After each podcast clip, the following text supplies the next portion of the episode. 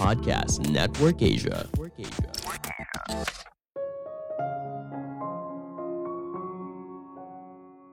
Di zaman sekarang, kita ibaratnya tidak tahu rasanya cukup. Pengejaran kekayaan yang tiada akhir tidak menghasilkan hidup yang bahagia. Halo semuanya, nama saya Michael. Selamat datang di podcast saya, Sikutu Buku. Kali ini saya akan bahas buku How Much Is Enough karya Robert dan Edward Skidelsky. Sebagai informasi, podcast Sikutu Buku sekarang bergabung dengan Podcast Network Asia dan Podmetrics loh. Sebelum kita mulai, buat kalian yang mau support podcast ini agar terus berkarya, caranya gampang banget. Kalian cukup klik follow. Dukungan kalian membantu banget supaya kita bisa rutin posting dan bersama-sama belajar di podcast ini. Buku ini membahas soal berapa banyak yang harus kita miliki untuk merasa cukup. Apa sih tujuan kita mencari uang? Tentu saja setiap orang punya tujuan yang berbeda. Namun, mayoritas dari kita pasti sepakat kalau tujuan utamanya adalah untuk menjalani hidup yang baik. Hidup ini hanya bisa dicapai apabila kita tahu rasanya cukup, berhenti melakukan pengejaran keinginan yang tiada habisnya, dan mulai menikmati hidup. Saya merangkumnya menjadi tiga hal penting dari buku ini. Pertama, pengejaran uang terus-menerus. Apakah kamu pernah iri dengan teman atau tetangga soal mobil barunya, liburan yang mewah, foto dia sedang makan di restoran mewah, dan sebagainya? Di satu fase, mayoritas orang pasti pernah iri. Ibaratnya seperti pepatah, kalau rumput tetangga selalu lebih hijau, yang artinya apa yang dimiliki orang lain biasanya terlihat lebih baik daripada apa yang kita miliki. Namun, pengejaran barang material seperti ini membuat kita tidak pernah merasa puas hingga akhirnya muncul sebuah pertanyaan, berapa banyak untuk merasa cukup? Ini adalah pertanyaan yang coba dijawab oleh Skidelsky. Pada tahun 1928, seorang ekonom terkenal bernama James Maynard Keynes memprediksi kalau pada tahun 2030, orang yang tinggal di barat akan hidup sangat makmur, sehingga mereka tidak perlu bekerja lebih dari 3 jam sehari. Di satu sisi, prediksi ini tentu saja tepat, dunia semakin kaya diukur dengan pendapatan per kapita, taraf hidup meningkat, perkembangan teknologi telah meningkatkan efisiensi, dan banyak kebutuhan kita dapat terpenuhi dengan mudah. Namun di sisi lain, prediksi soal bekerja hanya 15 jam seminggu tentu saja meleset sangat jauh.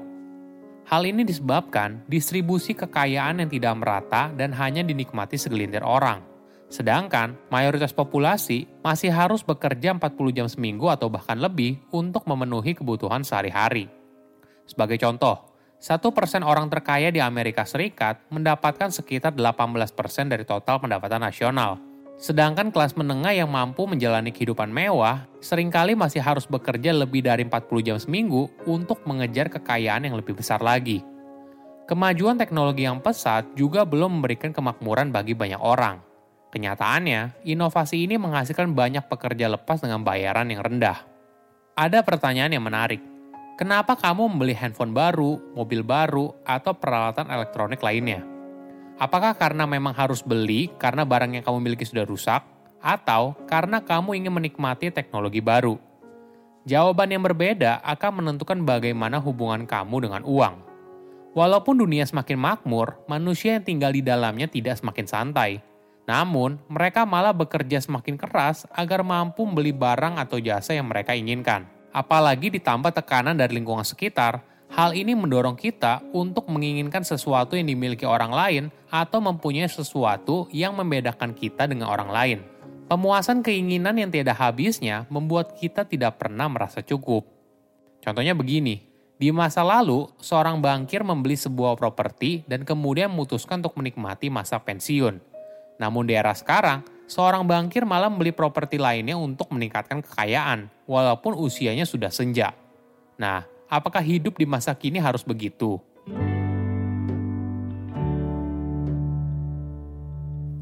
Kedua, kriteria hidup yang baik. Di era sekarang, kita ibaratnya sudah lupa rasanya cukup. Hidup untuk mengumpulkan kekayaan sepertinya dipahami sebagai sarana untuk bertahan hidup Apalagi untuk mengukur sebuah negara merupakan negara yang makmur dan bertumbuh, kita masih menggunakan metrik pendapatan per kapita. Jika pendapatan per kapita sebuah negara naik, artinya kondisi ekonomi negara itu membaik. Namun faktanya, Di United Kingdom, walaupun pendapatan per kapitanya naik secara signifikan, tingkat kebahagiaannya juga tidak ikut naik. Kenapa hal ini bisa terjadi? Masalahnya terletak kalau studi ini bergantung pada penilaian subjektif individu tentang kebahagiaan mereka sendiri. Namun, laporan berdasarkan penilaian pribadi selalu sangat bergantung pada konsepsi individu dan budaya tentang apa arti kebahagiaan. Tanpa konsep kebahagiaan yang dapat disepakati semua orang, statistik ini tidak akan memberitahu kita tentang kemungkinan hubungan antara kekayaan dan kebahagiaan. Skidelsky menawarkan metrik berbeda untuk mengukur hidup yang baik itu seperti apa, dimulai dari pemenuhan hak dasar hidup manusia. Pertama adalah kesehatan. Ini merupakan hak dasar yang harus dipenuhi setiap manusia agar bisa menjalani hidupnya dengan baik. Kesehatan di sini bukan berarti kondisi tubuh yang tidak sakit, tapi kondisi tubuh yang sehat secara rohani dan jasmani. Untuk mengukurnya, kita bisa menggunakan ekspektasi hidup manusia. Kedua adalah keamanan manusia harus merasa aman dan terbebas dari perang, kejahatan, atau perubahan kondisi sosial ekonomi yang ekstrim. Kestabilan hidup ini merupakan faktor penting untuk mengukur hidup yang baik. Ketiga, penghormatan. Menghormati seseorang berarti menunjukkan dengan formalitas atau cara lain bahwa kita menganggap pandangan dan kepentingannya sebagai hal yang patut dipertimbangkan. Rasa hormat tidak berarti setuju atau ungkapan rasa suka, Seseorang bisa menghormati musuh tanpa berarti setuju dengan pandangan yang dianutnya, tapi itu menyiratkan pengakuan tertentu atau memperhitungkan sudut pandang orang lain. Kita bisa mengukurnya dari tingkat kesenjangan sosial di masyarakat.